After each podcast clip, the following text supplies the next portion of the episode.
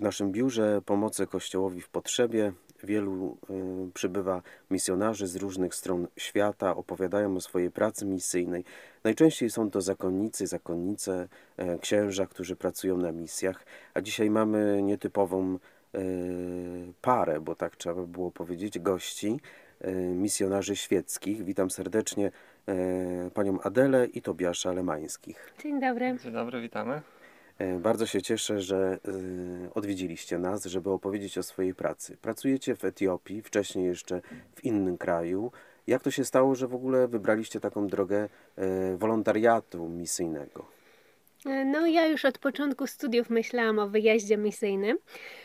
Kiedy skończyłam studia, pobraliśmy się, rok po ślubie wyjechaliśmy na dwa lata do RPA, a potem kontynuowaliśmy misję w Etiopii. E, I e, jako małżeństwo, czy żeście się dopiero poznali e, w, w, tej, w tej specyfice misyjnej, czyli dopiero jedno hobby, bo tak można było powiedzieć, was połączyło. Jak to się stało? Panie Tobiaszu. Wyjechaliśmy już, już jako małżeństwo, rok po ślubie. Adelka przed, y, przed y, ślubem mówiła o misjach i mnie zaraziła tym entuzjazmem misyjnym. Też y, wydało mi się to bardzo ciekawe wyjechać na, na parę lat, doświadczyć takiego, takiego życia na misjach i, i faktycznie podczas tego pobytu w RPA tak sobie uświadomiłem, że to był bardzo dobry wybór, bardzo, bardzo dobry sposób na życie na te pierwsze lata. Zajęcia, jakie mieliśmy, były bardzo angażujące, czu, czuliśmy się tam spełnieni, także, także był to, jesteśmy bardzo zadowoleni, że tak wyjechaliśmy. No właśnie, ja zostanę na tym poziomie waszych relacji małżeńskich, bo y, o samych misjach też sobie troszeczkę opowiemy, o waszej pracy codziennej. Natomiast czy w tych pierwszych latach małżeństwa e, ta działalność y, na obcym kontynencie, e, działalność misyjna, no taka, którą wykonują duchowni, czy ona was połączyła małżeńsko, jeszcze bardziej zbliżyła, czy y, mieliście też takie kryzysy? Jakichś większych kryzysów to sobie właściwie nie przypominam. Myślę, że to nas połączyło, jesteśmy bardzo blisko ze sobą, e, bo też e, nasza praca miała taką specyfikę, że byliśmy prawie cały czas razem. E, tam w RPA no, dzieliliśmy się tak, że ja byłam często z dziewczynami, bo to był ośrodek edukacyjny dla niewidomych, a Tobiasz e, z chłopcami, ale właściwie całe dnie spędzaliśmy razem e, i to też e, no, jakoś nas tak blisko łączyło, że mieliśmy tą samą pracę i w tej nowej sytuacji, w której się znaleźliśmy, mnóstwo różnych innych problemów, inny kontekst, że mogliśmy się tym razem dzielić. A teraz właśnie, jeśli chodzi o samą pracę, na czym polega wasza codzien... wasze codzienne obowiązki? Bo to jest praca i zarazem misja, tak można by było powiedzieć. Na misji obowiązki są bardzo zróżnicowane, to zależy od misji, od, od aktualnych potrzeb i, i bardzo wiele różnych rzeczy robiliśmy. W RPA to właśnie było przede wszystkim e, praca w szkole, w internacie, ale co chwila pojawiały się nowe wyzwania. A jesteście z wykształcenia nauczycielami? Czy- E, Nie, ja studiowałam stosunki międzynarodowe i kulturoznawstwo. Pracowałam w organizacji pozarządowej. Ja z kolei studiowałem biotechnologię, e, aczkolwiek na misji robiłem bardzo wiele różnych rzeczy, poczynając od pracy w ośrodku zdrowia, w więzieniu, e, w szkole. Misja przynosi różne wyzwania, do których trzeba się jakoś właśnie ustosunkować, uczyć się nowych umiejętności. A czy przypominacie sobie jakieś takie ciekawe przypadki, sytuacje z, z tej pracy w Etiopii, które e, was w jakiś sposób y, mobilizowały, ale też i zmęczyły może też?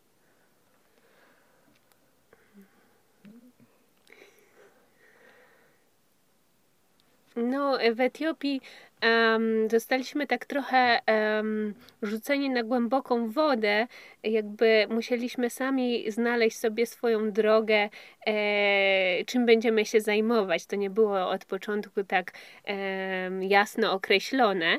E, To było też e, w pewnym sensie mm, trudne e, ze względu na język i e, to, że nie, nikt nas szczególnie tak nie wprowadził w pracę, jak to wcześniej było w RPA. No i przez pewien pewien czas, muszę przyznać, było to jakoś nawet frustrujące, że nie czuliśmy się, ja szczególnie nie czułam się mm, bardzo potrzebna, ale po pewnym czasie to zawsze wymaga właśnie czasu i poznania tych e, realiów, ludzi. E, znaleźliśmy sobie wiele różnych zajęć w kościele, właśnie zajęć duszpasterskich, czy to z młodzieżą, z dziećmi, e, organizując spotkania dla rodzin, czy też kurs biblijny. A zostaliście powołani do tej misji przez Kościół, przez działalność jakiejś diecezji, czy biskupa, czy y, zgromadzenia? E, tak, my wstąpiliśmy do ruchu świeckich misjonarzy kombonianów, także e, współpracowaliśmy z ojcami, natomiast e, tam w Etiopii była taka specyficzna sytuacja, że ojcowie w miejscu, gdzie, do którego trafiliśmy już właściwie kończą w pewnym sensie tą misję, to znaczy założyli całą diecezję 60 lat temu, a teraz już powoli przekazali wszystkie, prawie wszystkie placówki księżom diecezjalnym i sami raczej koncentrują się już na innym regionie, takiej pierwszej ewangelizacji, gdzie no jeszcze nie ma struktur kościelnych. A gdzie to jest dokładnie? E, to jest w, w północno-zachodniej Etiopii w regionie Gumus. Czyli tam jeszcze Ewangelia jakby nie dotarła. Są Dopiero miejsca, tak, 15-20 lat temu, kiedy pierwsi ojcowie kombonianie założyli tam e, dwie pierwsze misje, e, wtedy dopiero ludzie poznali Ewangelię. Co jest dosyć ciekawe właśnie, bo Etiopia jest e, krajem chrześcijańskim od bardzo dawna, już od IV wieku, aczkolwiek właśnie są tam nawet rejony, gdzie, gdzie Ewangelia nie była głoszona e, aż do, aż do teraz. Ale pory. Etiopia też y, ma mieszkańców y, wyznania muzułmańskiego. Jak te stosunki się układają pomiędzy chrześcijanami i muzułmanami w tych regionach, w których e, pracujecie? Tam, gdzie pracowaliśmy, e, nie było jakichś większych e, problemów właśnie na linii muzułmanie-chrześcijanie. We wschodniej części kraju, e, gdzie właśnie dominują muzułmanie, tam, tam słyszeliśmy o, o, różnych napadach. Aczkolwiek Etiopia jest niestabilna głównie z powodów etnicznych. Różne plemiona ze sobą walczą i to powoduje właściwie częstsze Czyli nie religia, tylko Tak. etniczność Tak, tak. danej populacji e, w Etiopii. Natomiast jeszcze wrócę do kwestii waszego małżeństwa, bo to jest bardzo e, ciekawy wątek. Normalnie to ludzie, gdy się po, pobierają, to już myślą o kredycie, o tym, żeby zbudować dom, znaleźć dobrą pracę e, i wychować dobrze dzieci. Natomiast e, co e, jest waszym marzeniem teraz aktualnie? No, spędziliśmy prawie 5 lat na misjach i to był no, wspaniały czas, właśnie doświadczenia tego, jak Bóg działa, czasem też jak działał przez nas. E, no, teraz wróciliśmy do kraju i też spodziewamy się dziecka, także na moment obecny pasujemy z misjami. E, nasze dziecko urodzi się w nadzwyczajnym miesiącu misyjnym, jeśli wszystko dobrze pójdzie, więc być może w przyszłości pójdzie w ślady mamy i taty i zostanie misjonarzem. Zobaczymy. Czyli 5 lat to jest, to jest długo. Yy, Czy ta adaptacja, yy, problemy zdrowotne, czy też was, was dotykały bardzo tak uciążliwie? Właściwie nie mieliśmy większych problemów e, ze zdrowiem w RPA. W ogóle klimat był bardzo sprzyjający i bezproblemowy. W Etiopii zdarzały nam się problemy żołądkowe czy dur brzuszny, ale to nie, nie było coś szczególnie Czyli w tym dokuczliwego. wszystkim, którzy postanawiają odwiedzić Etiopię albo inne kraje sąsiednie, proponujemy jednak, żeby zachowali e, środki ostrożności, higieniczne środki, bo tam właśnie dur brzuszny jest na porządku dziennym dla Europejczyka oraz inne choroby trzeba się zaszczepić, y, Mhm. żeby funkcjonować. Natomiast malaria, czy była problemem? Akurat w tym, e, w tym rejonie, gdzie byliśmy, nie była tak bardzo powszechna. Zdarzały się przypadki, oczywiście wśród naszych znajomych, aczkolwiek e, nie było to tak częste i my, my też nie zachorowaliśmy na malarię. Tak, mam wrażenie, że, że bardzo dużo osób e, obawia się wyjazdu do Afryki, zwłaszcza jak pan redaktor wspominał, w małżeństwie też się obawiają, że od razu myślą o kredycie, o innych rzeczach.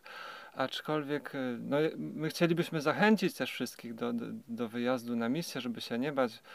Życie jest jedno i, i to jest naprawdę piękny, cenny czas, który, e, który na pewno byłaby to dobra decyzja dla wielu zastanawiających się. No to zapraszamy chętnych do tego, żeby się włączyli w wolontariat. Można zawsze e, spojrzeć na stronę naszego ośrodka misyjnego w Polsce przy ulicy Byszewskiej i tam e, uzyskać informacje, jeżeli ktoś chciałby z młodych ludzi podjąć się takiego działania misyjnego. Serdecznie do tego zapraszamy. A co możemy Wam życzyć? E, No na pewno szczęśliwych urodzin dziecka, ale co dalszej pracy misyjnej po urodzeniu? Być Czy- może nie wykluczamy też tego. Czyli wszystko zaczyna się na nowo tutaj w Polsce i tego Wam życzymy, e, żeby tutaj sobie też zbudować e, ten swój świat, taki piękny, jaki budowaliście e, w Afryce, w tych dwóch krajach i życzymy Wam powodzenia w dalszym apostołowaniu misyjnym, jeśli nie na odległość, to przynajmniej e, poprzez modlitwę i wspieranie też dzieła misyjnego. Wszystkim serdecznie dziękujemy za uwagę, a kłania się Państwu ksiądz Andrzej Paś, Pomoc Kościołowi w potrzebie.